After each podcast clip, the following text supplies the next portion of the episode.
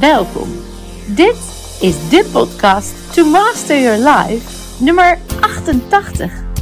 In gesprek met Patrick Kikken. Een leven zonder stress doe je zo. Tips op het gebied van body, mind en food. Mijn naam is Vilna van Betten en ik heb er super veel zin in. Nou, welkom dames en mensen bij alweer een nieuwe podcast. En vandaag met wel een hele bijzondere gast waar ik ja, ontzettend trots op ben. Ehm, Patrick Kikke, welkom. Hoi. Hi. Uh, Patrick uh, heeft de podcast Leven zonder stress. En dat gaat vooral ook over jouw eigen spirituele zoektocht Ja. naar een leven zonder stress. Je hebt er ook een boek over geschreven. Ja. En hoe mooi en toepasselijk is het dat jij juist in een podcast waar het gaat over eh, je pure ik, je kracht, eh, mastership over je leven zonder dat je in ego's komt of vastzit in patronen. Nou ben jij iemand die juist vastgeroeste patronen wil doorbreken. Ja. Niet alleen bij jezelf, maar ook bij, eh, bij anderen. Bij de radio, thuis vroeger al als kind, in het gezin. Ja, Ja, want vertel eens iets over jou eh, thuis eh, als gezin, in je gezin. Was Ja. je zo'n rebel? ja nee, kijk, ik, ik noem het altijd. Dan was er bijvoorbeeld eh, spanning tussen mijn ouders. Of spanning tussen mijn, mijn, mijn vader en mijn broer. En daar werd niet over gesproken. Hè? Dan zaten we aan tafel en je voelde gewoon, je broeit iets. Oh ja. Ja, je was- voelde de spanning? Ja. Oké. En dan was Patrick weer de, de, de ik noem het bijna de, de vulkaan waardoor het naar buiten kwam.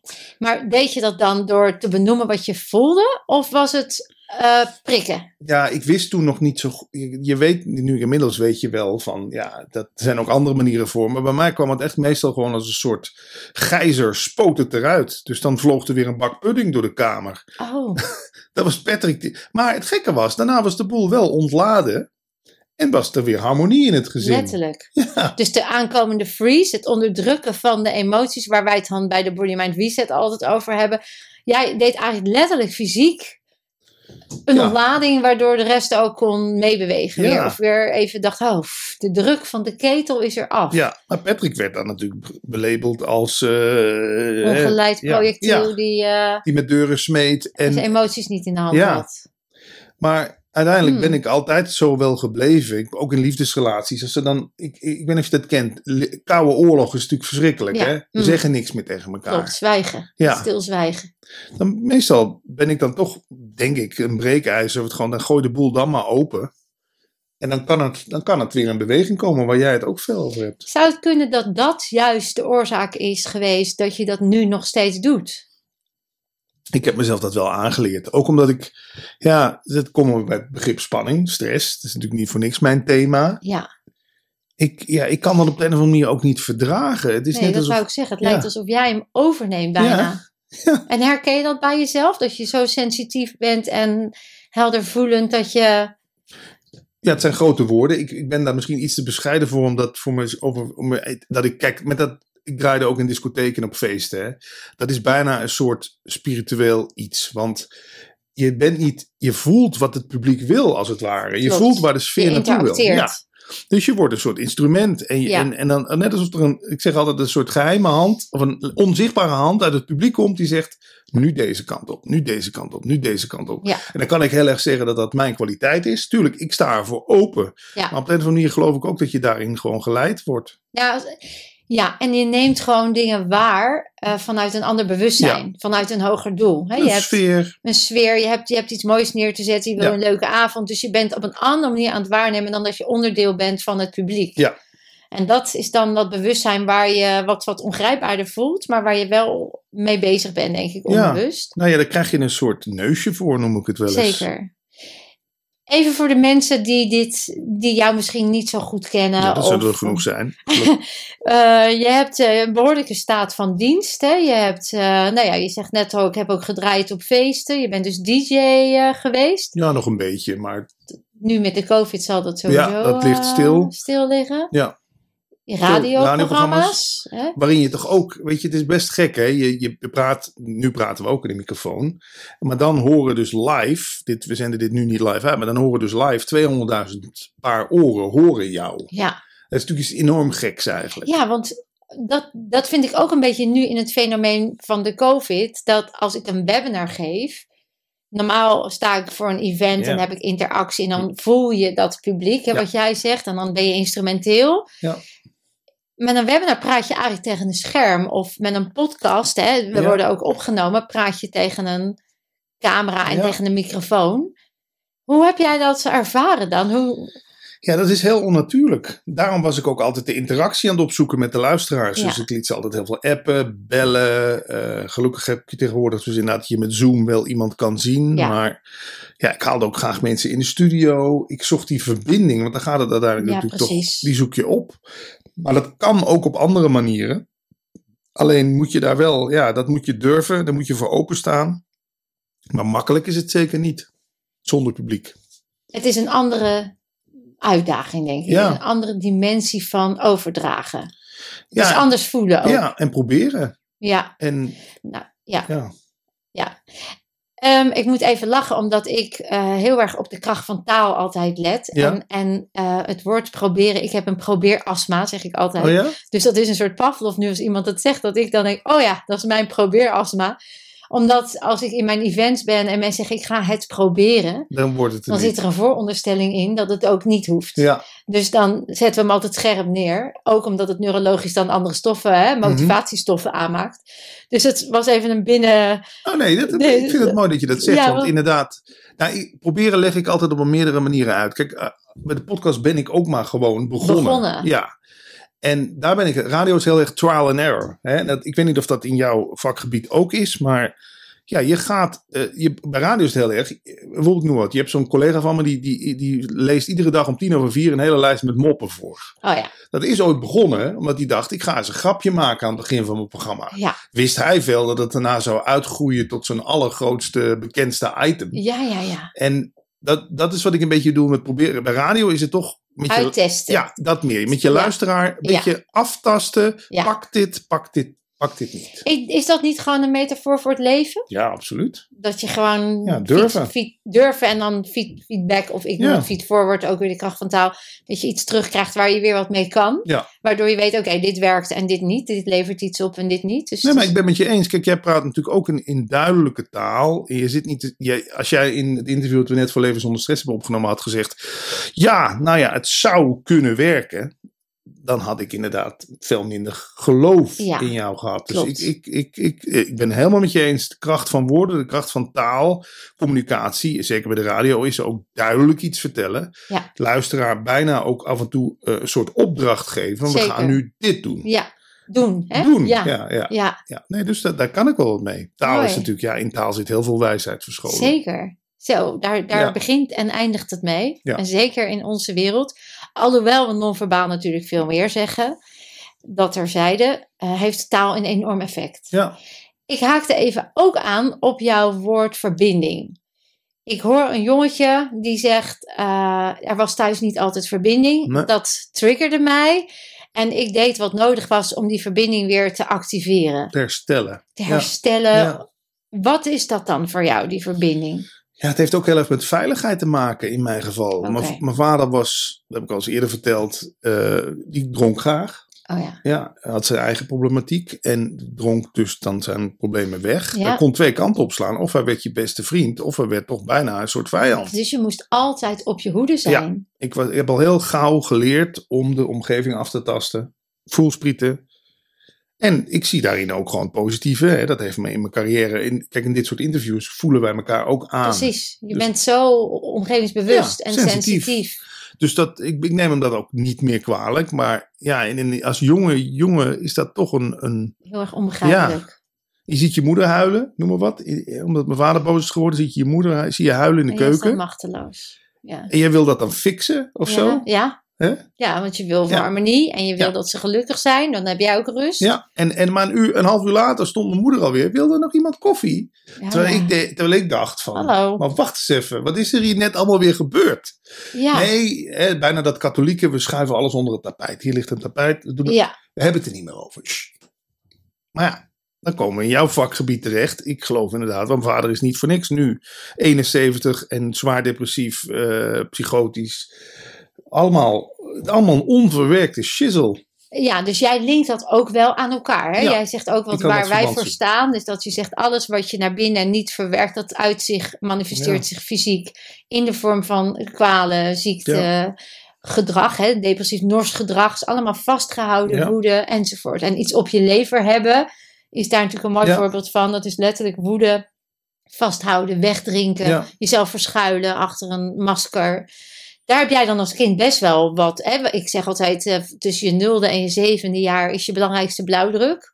Daar wordt het eerste celgeheugen Ja. vanuit je fysieke wereld zeg maar opgebouwd. Nou, daar zit bij jou dus een hele duidelijke blueprint. Verbinding is belangrijk en vooral niet opkroppen, want dat leidt tot niks. Hè? Dus we moeten hem openbreken. Ja. Ja, en dan wordt Patrick ik wat ouder en die komt in een keurslijf van een cultuur binnen een bedrijf. Ja, nou ja, da- daar ben ik ook altijd wel een beetje de rebel geweest. Ik, ik heb, ik heb maar, ik, ik- sommigen zullen het onaangepast gedrag noemen. Ik heb wel eens van een baas bij radiozender gehoord, pas je toch eens wat meer aan, word toch eens wat zakelijker. Maar ik heb altijd, ben altijd wel degene geweest die reuring wilde veroorzaken, die vooruit wilde met, vooruit met de geit, Ja. weet je wel? En jouw aanpak is dan eigenlijk ook wel directief en confronterend. Ja, dat Of is het ook wel weer prikkend? Ja, kijk, nu, nu ik die column schrijf, ik heb eigenlijk niks meer te verliezen in dat. Want ik heb bij de radio eigenlijk alles kunnen bereiken wat ik wilde bereiken. Vroeger moest ik dat. Noem dat eens, wat is dat? Bij de je- radio? Was je alles, wat, ja, wat nou, houdt dan dat in? heb je de ochtendshow bij een landelijke zender bereikt. Dat is dan wel ongeveer het hoogst haalbare. Oh ja, Ik heb er financieel goed, eh, ja, ik heb nog gelukkig de leuke tijd meegemaakt dat het goed betaald werd. ja. Dus eh, ik heb allemaal stunts uitgehaald waarmee de krant haalde. Eh, Ik was een van de eerste met een website in Nederland met grappige ja filmpjes en zo. ja. Dus ik, ik ben altijd wel een beetje zo geweest van laat mij maar nieuwe terreinen verkennen. En als ik dan uitverkend ben, ga ik eens een bos verder kijken. Dus dat, nou ja, dat wordt als jonge jongen, wordt dat nog wel gezien als jong enthousiasme. Hmm. Maar ja, als je dan tegen het establishment een beetje begint aan te kloppen, dan wil dat nog wel eens voor wrijving zorgen. Maar ja, ik moet er ook wel weer een beetje om glimlachen, want ja, uiteindelijk denk ik dat je, ja, je leert elkaar alle, allemaal, je leert allemaal Ja, iets van Het zijn elkaar. gewoon allemaal leraren waar je wat uit kan halen. Ja. Nou, toch interessant, want dan hoor ik jou zeggen, ehm, ik was dus een beetje de rebel, maar wel vanuit een stukje eh, puurheid, omdat je ook wel echt mensen in beweging, je wilde wel voor de better. Het was niet om iemand te narren of om iemand te Nee, kakken zo te kan het zetten. lijken. Zo kan het lijken. Ik, als je mij niet zo goed kent en je leest een keer een columnje van me, of inderdaad, eh, ik kon ook op Twitter, kon ik ook heel bot uit de hoek komen. Bijvoorbeeld Kelly Wekers, die zul je ook ke- kennen. Ja, ja. Hè, dat is natuurlijk een best bekend iemand. Die ging heel trots op haar LinkedIn vertellen dat zij 100.000 exemplaren van haar boek had verkocht. Zegt ik, toen zet ik eronder, nog heel, vond ik heel subtiel. Zegt, Kelly, tuurlijk, een fantastisch succes, maar je moet wel heel eerlijk zijn. Je hebt natuurlijk wel al een voorsprong als Miss Nederland. Zeker. En de man van, of de vrouw van John Eubank, de liedjeschrijver van Posato, Marco Posato. Je hebt Ja. bij RTL Boulevard aan de desk gestaan. Ja, nee, dat had ik niet mogen schrijven. Toen noemde haar man, John Eubank, mij een drol. En wat, hoe durfde ik dat allemaal te zeggen? Dacht ik wel, ja, het is toch goed dat dit weer gebeurd is. Ja. Want ik kreeg ook via Instagram allemaal direct Exposure, messages. ja. Maar ook exposure, maar ook Ja. van mensen te horen van wat blij dat je dat een keer tegen die Kelly Oh zegt. ja ja. Want, ik bedoel, we moeten eerlijk zijn. Het werkt ook zo. Zo werkt het. Het, dat is de- helaas een constatering die we hebben. Dat als je in het juiste netwerk zit, je ook gewoon veel sneller daar bent dan iemand die helemaal vanuit het niets Ja. moet opbouwen. En dan vind ik het oneerlijk dat zij dan... Daar kan ik over meepraten Ja, trouwens. ja, Absoluut. Dat ook. Ja, zeker. Ik heb alles van scratch aan moeten opbouwen. Ja. En ik zat niet in het juiste netwerk. Ik had geen miljoenen op de bank. Nog steeds niet hoor. Dat terzijde. Maar dat, het geeft wel voldoening, laat ik dat eerlijk zeggen. Dat, Als het dan toch lukt. als het dan toch Ja, lukt. ja. Eh, maar ik herken wel wat je zegt. En ik vind Ja. dat dan oneerlijk dat zij dan zo een beetje zegt... Dat proefde ik van, nou, wees als mij, dan word je ook net zo succesvol. Ja. Zeg Kelly, ben eerlijk, je bent een hele knappe meid. Je- Dan zou je ook je ouders moeten bedanken voor de fijne genen die je gekregen hebt. En ook het team van Cosmos uitgevers die jouw boek hebben gepromoot. Het is natuurlijk vaak, Een combinatie. ja. Ja, En, maar als je dat, ik vind dat leuk, als je, je hoeft maar soms maar heel even te prikken. ja, En, en, en dan begint het ook weer te stromen. zeker. dus dat het zet iets in Ja, beweging. wat jij ook doet Ja. met mensen hun lichaam. Ja, Ik bedoel, acupunctuur is natuurlijk ook... Het, Prikken? Ja, dat is ook prikken. Ik bedoel, Ja. Met een vinger kun je, en op online kun je ook prikken. prikken. Dus het is prikken met de bedoeling om iets wakker te maken of om iets aan te zetten of om iets Want is dan je, je diepere bedoeling ook dat je zo'n Kelly in dit geval een les wil lezen? Of ben je daar dan niet mee bezig? Ja, leslezen klink, klinkt... Klinkt belerend, ja. Maar nou, ik denk dat het meerdere kanten op werkt. Ik leer daar ook weer iets van. Weet je wel? Want wat zegt het over mij dat ik er zo op aanga? Ja. Dat is natuurlijk ook iets... Kijk, Ja. ik- misschien ben ik stiekem wel een beetje onderhuids jaloers. Oh dat, ja. dat Kelly zo trots durft te zijn Ja, op precies. haar, op haar eh, dingen. Want ik ben al mijn hele leven al mijn succesjes, je ziet me al succesjes, allemaal een beetje aan het bagatelliseren.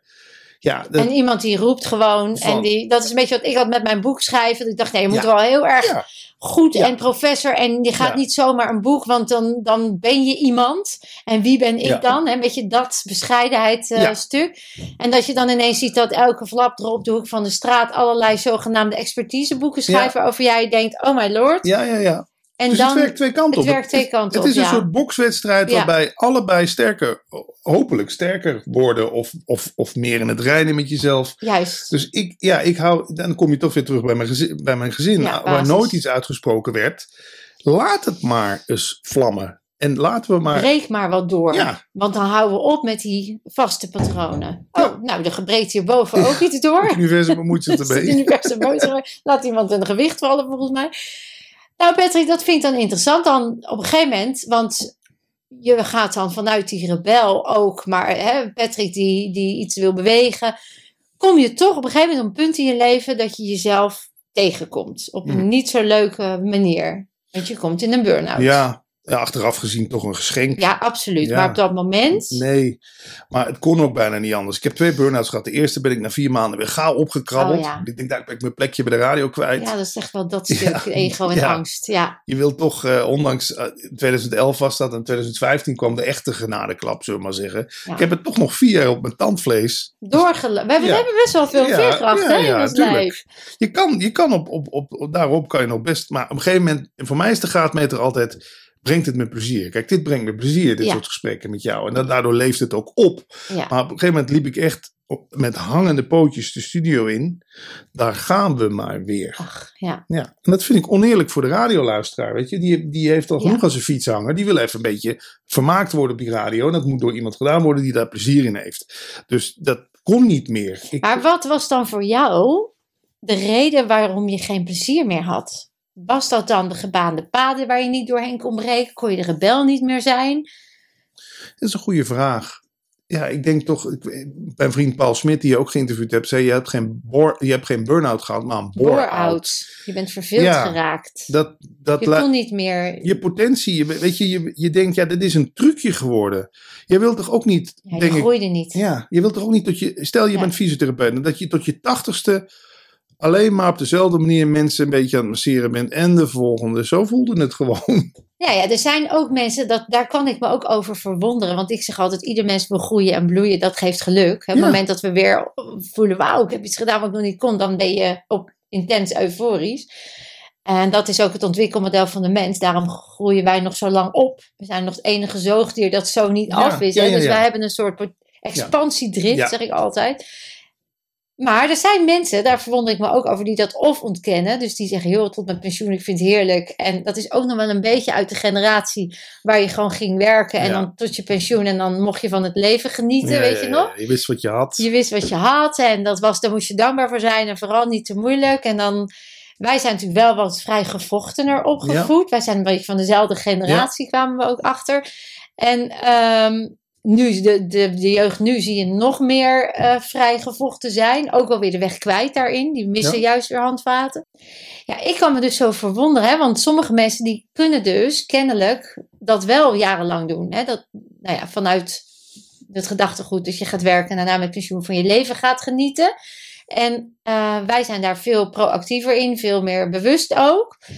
Ehm, dus als we uitgaan van die expansiedrift, van datgene wat Ja. ons dan drijft, waar we gelukkig van worden, dan zou het kunnen dat als, als we de combinatie maken tussen jij als jongetje die genoodzaakt moest prikken om thuis het een beetje leefbaar te houden, en de gewoonte dieren die maar doen wat ze altijd moesten doen, dat dat dus ook geen goede match was. Nee. Jij voelde niet meer dat je kon groeien en bloeien en al dat prikken, dat was ook niet echt wat daar gewaardeerd werd of makkelijk was. Nee, nee, onder de laatste baas sowieso niet. Nee. Dat was Erik de Zwart. Die ken je misschien ook Ja, wel ook van onze we. generatie. Ja, die zei op een gegeven moment, luister nou maar gewoon naar papa. Dan komt alles goed. Ik, ja, nou, luister nou maar naar papa. Eh, Hallo. Weet je, ik doe dit ook Ja. al twintig jaar. Luister jij nou ook maar eens naar mij. Weet ja, je wel? er was dus geen gelijkwaardigheid. Nee, nee, dat was, was een soort top-down. Moest je het uitvoeren. Maar ik, ik moet ineens denken aan het, het woord universum. Is al een paar keer gevallen. Het universum dijt ook uit. Weet je wel, het is ook allemaal begonnen met een oerknal. Poef. Ja, En toen begon het allemaal te, zich te vormen. Dus ik ben ook, bij de radio werken we ook met de vormgeving. Je bent, je bent iets in de vorm aan het zetten. Dus, Ja. En als die vorm al, al jaren hetzelfde is, ja, ik werd daar doodongelukkig van. Jij wil gewoon vormverandering. Ja, En Want dat geeft jou het gevoel dat je leeft. ja creatie, creatief Ja. zijn. Dat is de reden waarom ik radio altijd zo leuk vond. En, en op de een of andere manier heb je dat nog niet in een stadium herkend. Dat je de stappen ondernam om dan of te, weg te gaan al meteen. ja, En de burn-out, te, bore-out te voorkomen. Voorkomen.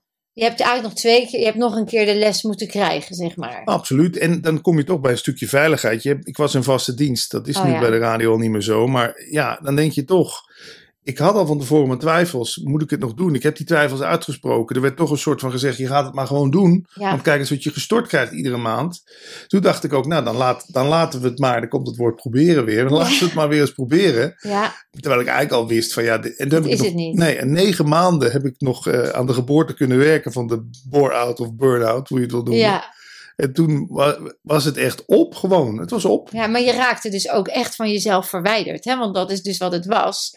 In potentie was er veel meer aanwezig. En dat Ja. werd eigenlijk een soort weggeduwd Ja. en afgevlakt. En, en dat kan voor iemand werken, maar voor jou dus niet. Nee, Want voor mij werd, werd het dat niet. Ik denk ook, nee, daar word ik doodongelukkig van. Ja. En de luisteraar dus, dus, Dus ook. ook, en dat was een medeverantwoordelijkheid die jij ook nog voelde. Van ja, als ik het niet over kan dragen in energie, dan wordt het ook niet wat het moet zijn. Dat is vaak. Ja. Dat is toch wat je uit. Je zendt letterlijk iets uit, Uit, bij de radio. Hè? Letterlijk. En wie ontvangt het en Ja. op welke resonantie. En er kwam ook weinig meer op terug. Dat was voor mij altijd wel een signaal.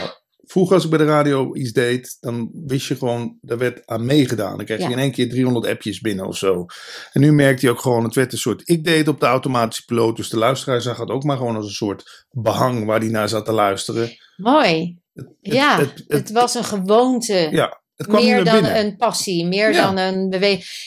In de Body Mind Reset gaat het daarover. Dat je dus je gewoontes in je onbewuste eh, uitdraagt in het nu. Wat ook dus destructief kan zijn. En als dat zo is, dat je dat kan resetten. Nou, jouw burn-out of bore-out heeft bijgedragen tot een stukje reset, zou je kunnen zeggen. Absoluut. Het, het, want toen ging mijn relatie, eh, die toenmalige relatie ging ook over Oh de ja, radio. alles. Ja, Ja, er moest even plaats gemaakt worden. Een soort van grote opruiming. Voorjaars schoonmaak kunnen we het ook ja noemen. maar dat is wel wat we te weinig doen. Ja. Gewoon even stilstaan en voelen. Is dit nu nog wat bij mij past? Is dit nu nog waar ik blij van word? Is dit nog wat mij de beweging geeft die ik nodig heb? Ja. En dan krijg je dus wat jij zegt, dat stukje afhankelijkheid, identificatie, hè, waar, waarvan je dus denkt, ja, maar ik kan niet zonder, want dan heb ik geen inkomen. Of wie ben ik dan nog als ik niet die bekende Ja, radio-dj ja, dat ben? Het. het is je identiteit geworden. En ook je, je, je vaste, ja, je houdt je eraan vast, letterlijk. Maar ik noem het ook wel eens een jasje waar je uitgroeit. Weet je, dit was gewoon een jasje Ja. wat gewoon totaal niet meer lekker zat. Het paste niet meer. En ja, honderden en één oorzaak. Je kan iedereen daar de schuld van geven. Het, ik heb ook twaalf jaar lang bij Veronica gewerkt. En negen jaar bij 3FM. In Amerika zeggen ze volgens mij ook. Iedere drie jaar moet je gewoon eens even goed gaan kijken. Is dit het nog? Ja, Eigenlijk, ik, heb eigenlijk, ik doe het in mijn relatie ook niet. Eigenlijk zou je, ja moet je doen. zou je eigenlijk moeten Ja. doen, toch? Ja, Hoe nou staan we sterker nog, ik ga één keer per jaar met mijn man. Ja? Ja, Evalueren? ja. En dan gaan we echt gaan we weg. Gaan we uit huis, dus uit dat Ja. bekende patroon. Ja. En dan gaan we gewoon, eh, ja, wat vind jij nog leuk? En wat vind ik nog leuk? En Werkt is er nog genoeg passie? Ja. En vinden we elkaar nog aantrekkelijk? En, en dan, ja, dat doen we echt heel bewust. Ja, wat goed. Nou ja, dat is ook gekomen omdat ik merkte dat ook in relaties kun je in sleur en in Ja, gewoontes en in. En dan als je dat dan maar niet benoemt, dan op een gegeven moment dat jij dus gaat denken, zie hij geeft me nooit aandacht of zie je. Nee, zolang je dat blijft benoemen en vraagt waar je behoefte om hebt Ja. en vraagt wat de ander graag wil, dan kan je ook blijven groeien samen. Ja. Dus daaruit is dat wel geboren. Daar zit bij mij namelijk een soort intrinsieke expansiedrift dat ik en dat komt misschien omdat ik bijna twee keer dood ben geweest. Dat weet ik niet. Maar ik wil altijd het beste eruit halen of Hmm. zo. Dus ook in mijn relaties en ook in dingen die ik doe. En dat, dat is bij mij dan wat dan een motivatie is. Daar ben ik heel bewust in geworden. Van het kan morgen over zijn of zo. Ja. Ja, wat was, bij mij is het vooral ook, er is nog zoveel mogelijk. Ja, Daarom schrijf ik ook die columns over radio. Er is bij de radio ook nog heel veel meer mogelijk dan we nu doen. ja, Alleen ja, we, we blijven het, en dan bedoel ik ook misschien mezelf mee, want als je over het andere hebt, heb je het natuurlijk ook over jezelf. En om, misschien omdat het me ook zo tegengestaan heeft die laatste negen maanden bij Veronica, dat ik het maar steeds op dezelfde manier deed. ja. Dus zo de pijn werd zo groot. Ja. Dat dat juist jouw... Hè, de crisis was te groot en dan moet je, dan ga je. Frustratie is de breakthrough, Ja. zeg ik altijd. Dan kom je op het moment dat je dus zegt: Oké, die bur, die die leert mij wat. Want zo kijk je ernaar. Dat vind ik al heel bijzonder. Nou ja, in eerste instantie, ik had natuurlijk al heel veel. Kijk, voor mij heeft die spiritualiteit eigenlijk als een soort katalysator gewerkt. Ja, Anders had had ik er misschien al. nog steeds gezeten. ja, Doordat ik Eckhart Tolle zoveel ging luisteren Ja. en ook ging interviewen en al die interviews ging doen. ja, fantastisch. Ja, Ja, werd me echt duidelijk van ja, maar wat zit je hier nou nog hoog te houden? Weet je, voor, ja, dan komt toch het woord ego om de hoek. Eh, het was, ik deed het om ego-redenen. En Van hebben naar zijn begin jij langzaam. Is dat wat ik heb of denk te bezitten, een imago, geld, dat is het. is dat nou wat mij maakt of breekt? En dat brak je. Ja, en die film, je- hè, wat ik je net zei voor het gesprek. Wayne Dyer, Ja, From Ambition to Meaning, eh, zo heet die film. Ehm, ja, ik zat huilend die film te kijken achter mijn computer. Ik deed, dat raakte me zo, want dat was het. Ik wilde je wil bete- iedereen wilde betekenisvol zijn. Ja. En je droeg niet meer bij Nee. en niet zoals jij het wilde. Ja. Onder andere de podcast Een Leven Zonder Stress, want je doet veel meer. Maar dat is wel eentje die echt eh, ja, Ja, die slaat aan. aanslaat, die, die goed is. Waar je mooie gasten ook, eh en Eckhart Tolle onder Ja. andere. Wat ik echt, nou dat zou een groot cadeau zijn hè, Ja. als die eh, in je podcast komt.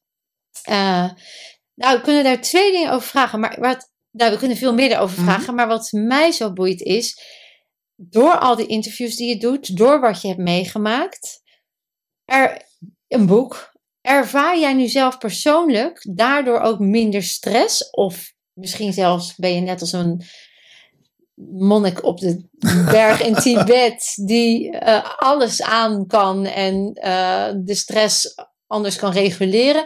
Hoe, wat heeft het bijgedragen en hoe sta jij nu dan in het leven? Nou, ik heb er natuurlijk onwijs veel van geleerd. En met name toch weer het tegengeluid tegen alles wat me eigenlijk daarvoor geleerd was. Dus eigenlijk een soort om te leren kun je het ook noemen. Ja, oh, dat lijkt wel op waar we het net over hadden, over de medische benadering Ja. en de emotionele, energetische benadering. Dus er moest even, dat moest opnieuw gewired, geprogrammeerd worden. Want ik dacht ook altijd, als je maar speciaal bent in de wereld, dan komt vanzelf de rust, de beloning. Ja. De, maar het blijkt anders, tenminste heb ik Ja. geleerd, andersom te zijn. Hoe specialer je wil zijn, hoe meer stress het oplevert. Maar dat kwam bij mij ook. Ik zag al die artiesten, hè. Prince leeft niet meer. George Michael leeft niet meer. Michael, Michael Jackson leeft niet meer. Whitney Houston, heel Amy erg. Winehouse. Amy Winehouse. Dat die, die, die zag ik allemaal op tv steeds met clipjes voorbij komen. Toen dacht ik, maar wacht eens even. Dat zijn dus de mensen die, de mensen die het voor in onze ogen enorm gemaakt, gemaakt hebben. hebben. Die komen allemaal vroegtijdig tot een einde. Hebben gewoon allemaal een, een, een, een enorme Verslaving. crisis, verslaving. Dus daar, daar klopt iets niet in die overtuiging dat als je maar heel goed wordt en speciaal, dat dat dan... En roem en Ja, aanzien, ja. dan ben je gelukkig. Nee, dus het lijkt bijna andersom. Hoe normaler je het in het verhaal wordt. Dus gewoon je, vanuit intrinsieke motivatie de dingen doet. En niet zeer bezig bent met de uitkomst. Precies. Ja, dan komt die rust. En dat vind ik al heel erg winst. Want ja, als je toch alleen maar in die andere... Het had met mij net zo slecht kunnen aflopen als met Michael Jackson hoor. Maar zeg je dan ook, Patrick, dat als jij in die rust kan zijn, eh, want je hebt hem omgedraaid, duidelijk, je hebt het ontleerd, je hebt tegen jezelf gezegd dat imago is ondergeschikt aan wie ik in wezen ben, en dat is gewoon een uniek persoon die mag bestaan, eh, en die daarmee rust en ontspanning heeft, omdat er aanvaarding is, want Ja. dat hoor ik je eigenlijk ook zeggen. Eh, stel nou, toch even advocaat van de duivel, dat je dus alleen maar hoeft te zijn, dus je hebt Mhm. geen bezit. Ja. Ben je dan ook nog in die rust? Ja. Nou ja, het is natuurlijk makkelijk lullen als je inderdaad genoeg geld op je bank hebt. Je hebt je huis afbetaald, ik noem maar wat. Eh, maar de, het, wat al heel veel rust geeft, is dat die jacht soort van gestopt is. Oké. De oude Ja. Patrick hier had waarschijnlijk al een beetje met jou zitten flirten. Ja. En die had al gedacht, wat kan ik aan jouw technicus hebben? En eh eh, What in for O- me? Als ze straks maar wel de boek geeft. En eh, ik moet nog wel wat verkopen ja, van mezelf. Ja, ik moet nog even promoten dat iedereen naar mijn website moet. Ja, Snap je? Je bent, je bent, je bent eigenlijk wat Eckhart Tolle zo mooi uitlegt. Kracht van het nu. Ja. Je bent niet bezig met het verleden. Dus ik zit hier niet al mijn succesnummertjes uit het verleden op te noemen. En ik ben niet bezig in de toekomst van wat, wat kan ik hier allemaal nog halen. En wat moet dit opleveren. je gaat gewoon in het moment. In het nu is feitelijk eigenlijk nooit stress. Dat is Maar alles wat je hebt ook. ja, Dat is alles wat er is. ja. En het, en het leven, daar ben ik wel achter gekomen. Het leven, het leven is zo overvloedig. Het dient je. eh, Ja, dus abundant zeg ja, ik altijd. Het is overvloed in alles. Ja, Alleen het is inderdaad het ego wat zegt: ja, maar wacht eens even. Ja. Wat, dadelijk heb jij straks niks te eten. Ja, maar dadelijk is nog niet. En de, de regelt zich. Hoe ja vaak wat als niet? ik geen geld op mijn rekening heb? Ja. Dan kan ik mijn huur niet meer betalen. Dan kan ik mijn hypotheek. Dus ik ga maar blijven in de loop waar ik zit. Die. Tot een bore-out aan toe. Ja. Nee, ja, dat is allemaal op angst gebaseerd. Angst is natuurlijk een hele slechte raadgever. Het zijn allemaal clichés, maar Laag op de ladder in de emotieschaal. Dus het is ook een lage resonantie. Het maakt je ook ziek. ze bestaan niet voor niks, al die clichés. Ja, En ja, eh, dus ik heb vertrouwen op het leven. Het, het brengt je zoveel meer dan dat je denkt dat je moet forceren. En, ja. maar het is een les, Mooi. iedere dag weer. Maar wel, ja, iedere dag weer. Omdat... Nou, omdat je in de verleiding komt. Kijk, ik, ik, hier is het heel makkelijk, omdat je, oh, jij ook zo denkt en voelt. En, maar als je natuurlijk daar weer in, in, in, in zullen we maar zeggen, bovengronds komt. Daarboven. Want we zitten nu in de kelder, we zijn Ja. nu de diepte ingegaan. Ja, en daar word je wel weer op iedere billboard verteld van koop deze iPhone, word Ja. gelukkig. Eh, ga naar Curaçao, daar ga je het vinden. Ja.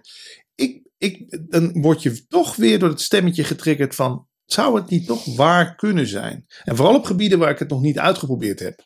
Dus bijvoorbeeld, eh, ik heb een keer ook, dacht ik, het zit in concerten. Ging ik zulke, zulke rits aan concertkaarten bestellen, weet je? Oh ja. Moest, moest Ja. ik er toch weer achter komen, het zit hem ook niet in concerten. Nee, dus jij was constant op zoek naar vervulling van een leegte die in jou Ja. zat, die je op kunt vullen. Ja, de buitenwereld. Maar dat is toch wel interessant, want eh, dit is precies natuurlijk waar ook de Body Mind Reset en waar ik dus het gemis vind, wat, waar we wat aan kunnen hebben, is dat we, we kunnen blijven zoeken buiten onszelf. We kunnen blijven hopen dat het beter wordt door ons te richten op wat we hebben, wat een ander zegt.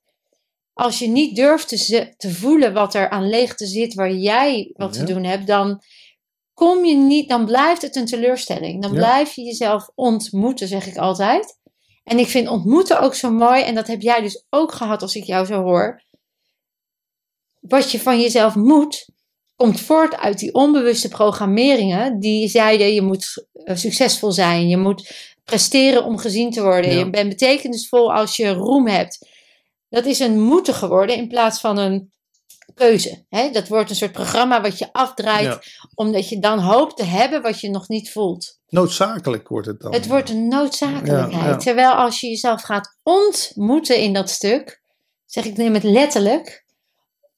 Ontmoeten is dus ook het niet meer moeten van wat je altijd dacht Ja, wat moest. En ik hoor jou dus eigenlijk zeggen, dat heb ik mezelf gegund. ja, of het werd me gegund. Je weet, ik kom natuurlijk uit de non-dualiteit Ja. waarin de persoon eigenlijk bijna volledig... eh, Ondergeschikt is. ja, en waar, waarbij het bijna... Kijk, ik, ik zie het altijd zo. Misschien klinkt dat minder zweverig.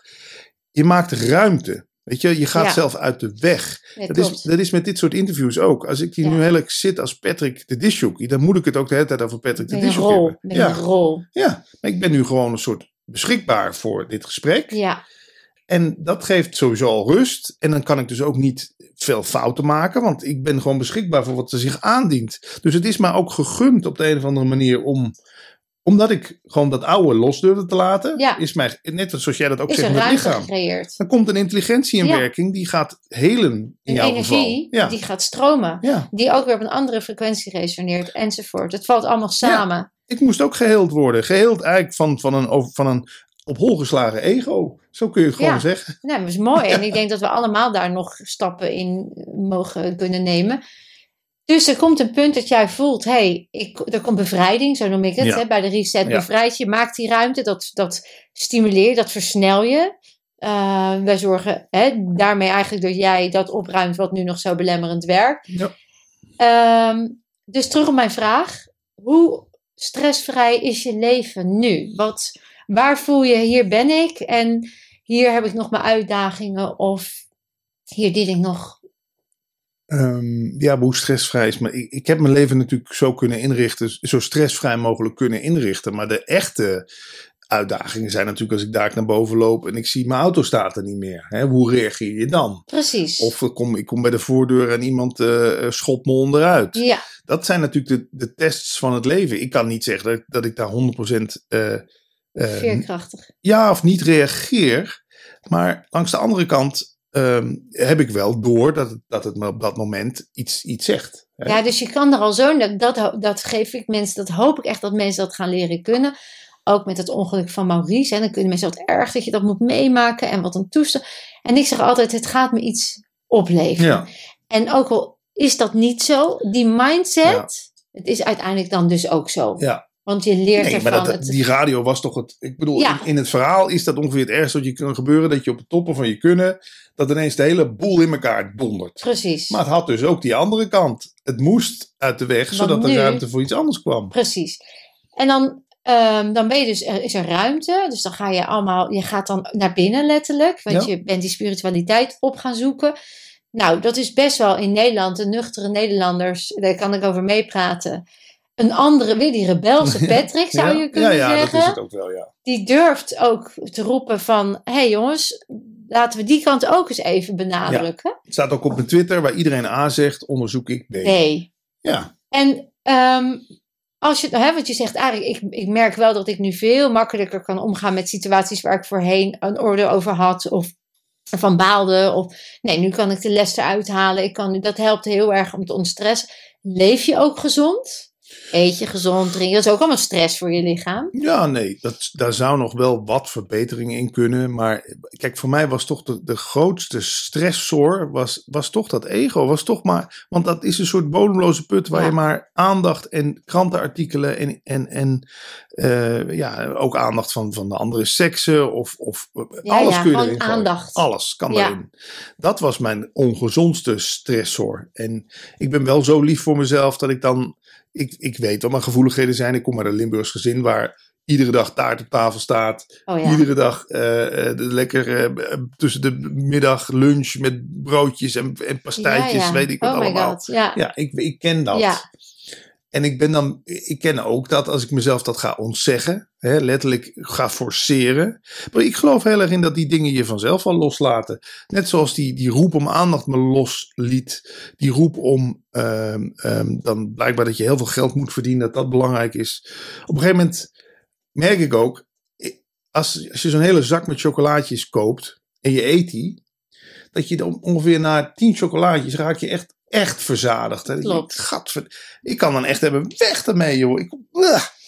Daar ben ik liever voor dan dat ik zeg van ik ga mezelf nu op een dieet van één chocolaatje per dag zetten. Want dan, komt, dan wordt het echt een soort, oh, chocola. Ja, het is dus alsof jij, het wil, je wil hem intrinsiek Ja. laten ontstaan. Je wil intrinsiek detached raken. Ja, Terwijl, eh, en dat is bij, dat, eh, bij, bij je geld en bij eh, dat imago, dat heb je eigenlijk, is dat een beetje organisch gegaan. ja.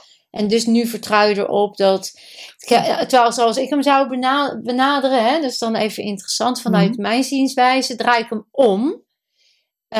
Het is en dat, maar het is ook bewustwording van datgene wat jou nog in de greep houdt, waardoor je het nog denkt Ja. Ja. nodig te Ja, hebben. want zo, een mooi voorbeeld daarvan is, ik ben jarenlang was ik echt een enorme nachtbraker.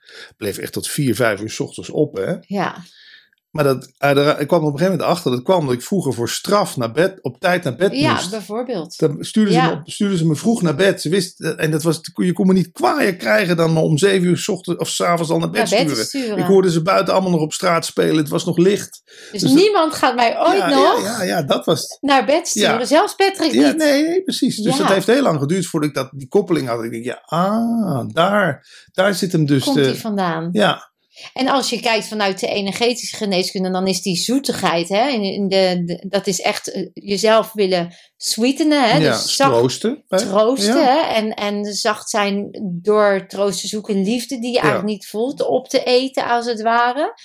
Dus als jij zegt van nou daar, dat wil ik mezelf niet ontzeggen, dan zou dat van als ik je zou, nou zitten we niet als Mhm. coach, maar dan zou ik zeggen, Ja. hey, je ontzegt je eigenlijk zelfliefde. Ja, nee, dat herken ik helemaal. Maar dat is ook de liefde die ik van mijn moeder. Kijk, mijn moeder, dat, mijn moeder haar manier van liefde tonen was. Dat was niet wat jij ik nodig maak een, nou, ik maak een, Maak broodje, voor je. Of een lekker stukje gezellig Ja, ja. gebakkie. Ja, nee, ja, maar dat is nog steeds zo. Als ze weet dat ik daar naartoe kom, dan heeft een pauwt die koelkast uit daar. Dat noemen we de feeders. De feeders, ja. Feeders, ja, ken je dat? Dus je hebt zeg maar, ik heb ooit die documentaire gezien van die jongen, die eh 13-jarige jongen in Amerika, en die krijgt, die, die ouders zijn gescheiden, jaren daarvoor. En die moeder die gaat dat compenseren. En die geeft hem iedere dag alles wat hij wil eten. Ja. Want dat is zo lief, want hij heeft het zo zwaar Ja, en hij heeft het zo moeilijk. En dat kind weegt op een gegeven moment geloof ik Ja. 180 kilo als hij 13 is. Dus ernstig gezondheidsprobleem. En ik ben toen heel erg geschrokken. Volgens mij is dat van die documentairemaker, oh die Engelsman met die bril, die lange man. Louis Theroux. Ja, I love him. Ik vind hem geweldig. En hij, ehm, hij stelt dan op een gegeven moment die vraag aan die jongen van... eh, wa- hè, wat maakt nou dat je naar dat ziekenhuis... en hij moest dan een maagverkleining, een heel tra- traject. Ja, zegt die jongen, ik krijg gewoon altijd te eten wat ik wil. En eh, nou, die moeder legt dat dan ook uit. Ja, maar die jongen heeft het zo zwaar, want hij heeft die scheiding meegemaakt... en dat is toch verschrikkelijk.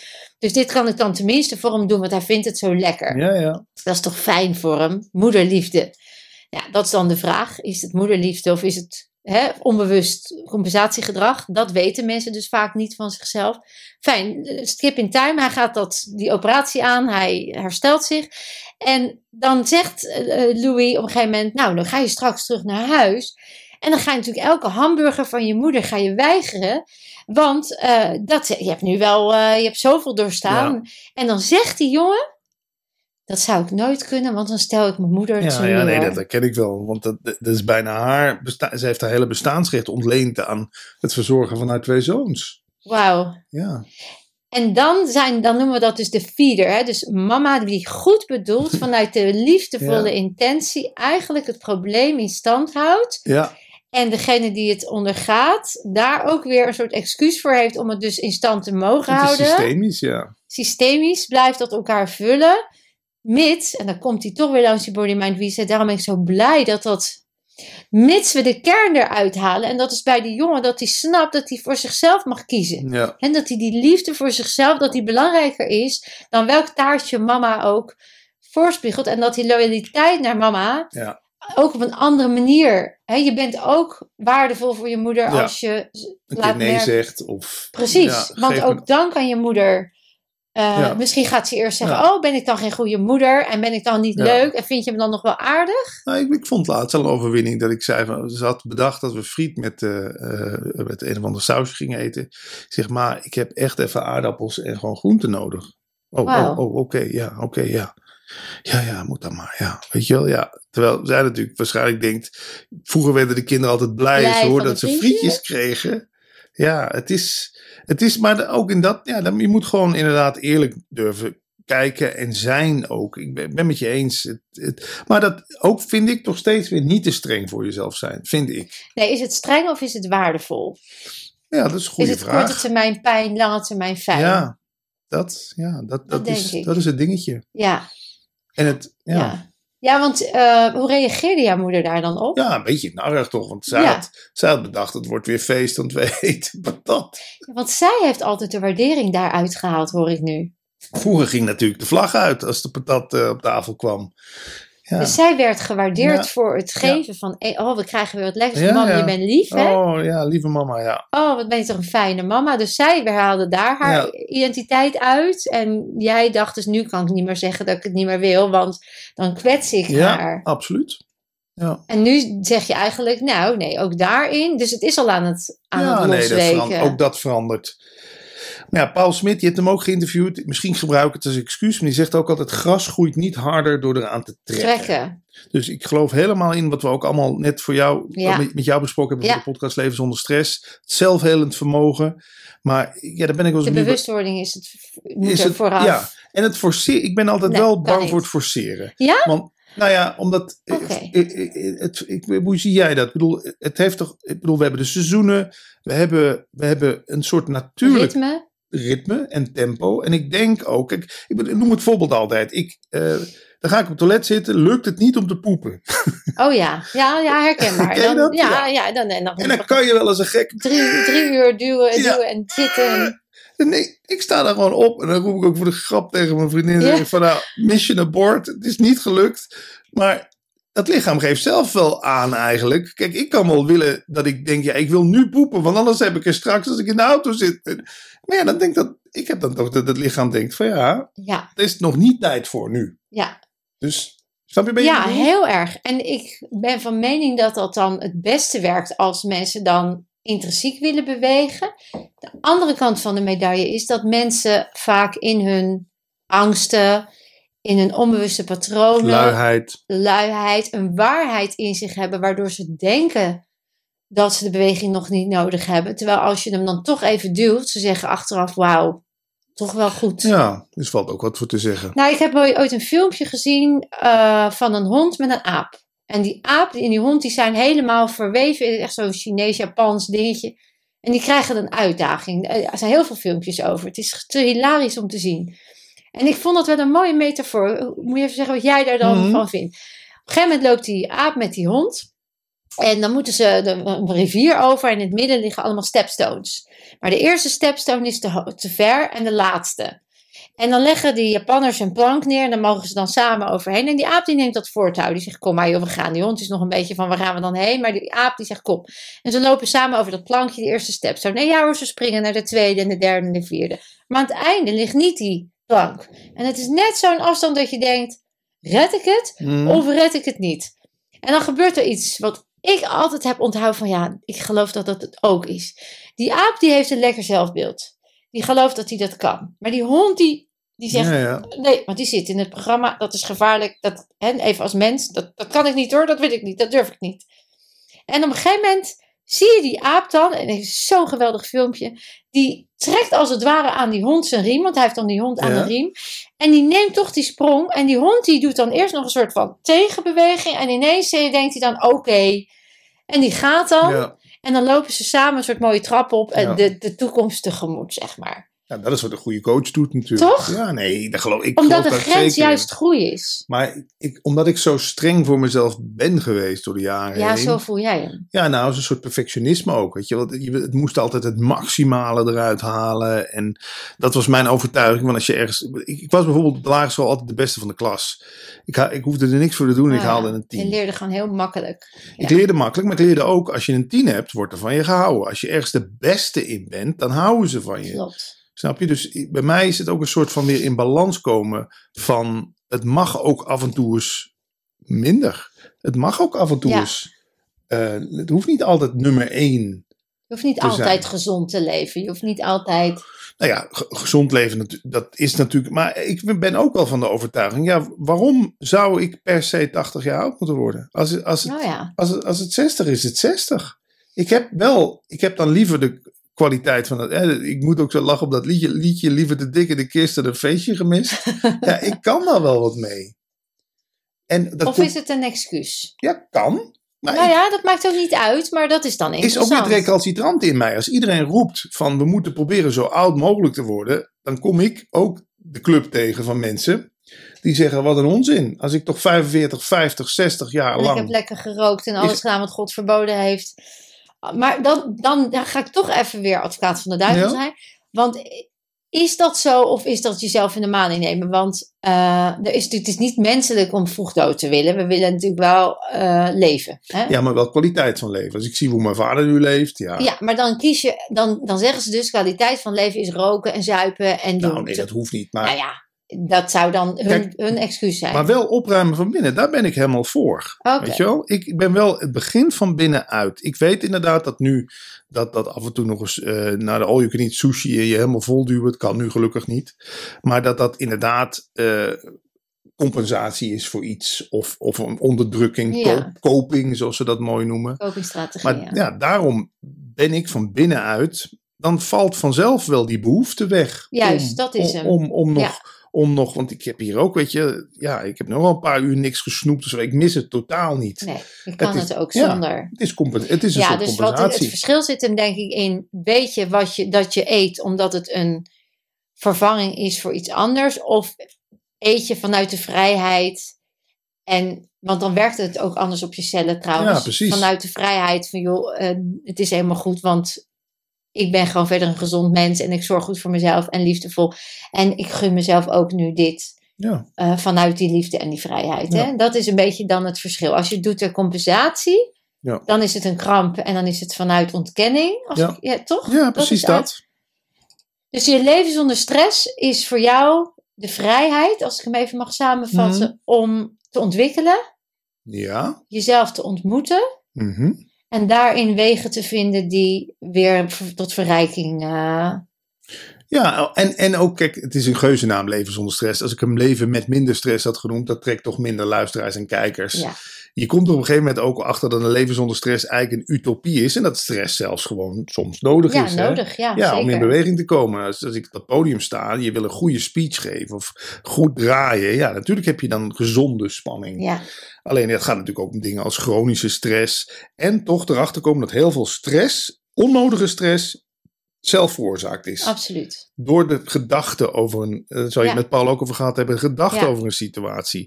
Feitelijk is, is alles hier nu gewoon neutraal. Als ik het aan mijn hoofd vraag, gaat hij zeggen, nou het had net wat warmer mogen zijn. Of hoe laat is het eigenlijk? En kom ik straks niet in de file?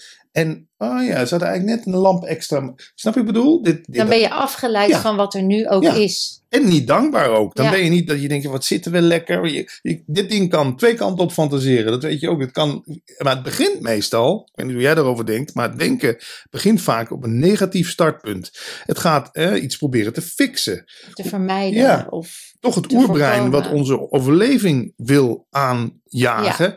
Maar we- die, die tijger, die sabeltandtijger Ja. waar jij het over hebt, die is er natuurlijk al lang niet meer. Dus heb ik soms wel eens het idee, gaat dat ding dan maar gewoon zeggen, die thee, op. die Ja. thee, die, is- die is te heet. Of ja, eh, pas op, daar ligt je een kabel. struikelen. Ja. Ja, Precies dat. ja, Terwijl die, die echte dreiging is er al lang niet meer. Dus dan, dan, is dat, dan gaat dat ding zich maar bezighouden met futiliteiten. ja. Als, tot slot even, Patrick, want het is Mhm. natuurlijk super inspirerend wat je allemaal vertelt. En ik denk dat Jij heel ook. veel mensen, dankjewel, maar ik denk dat heel veel mensen zich herkennen in de processen.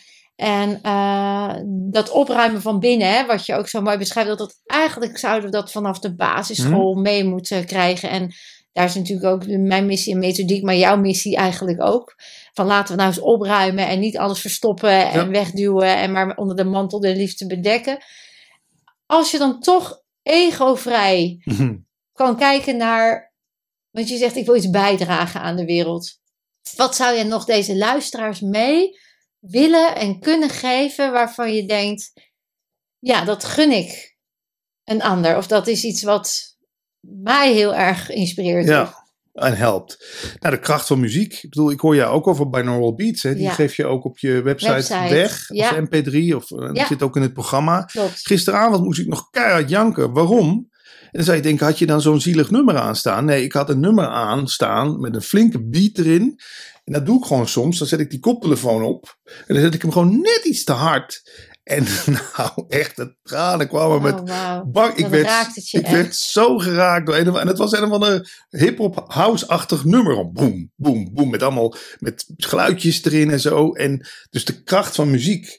Weet je, je noemt het eh, ja, heel, maar Ja. inderdaad. eh, Dus, maar dat kan inderdaad ook met een, met een, met, ja, met een, met een documentaire, een film. Al die kunstvormen, die zijn er niet voor niks. Hè.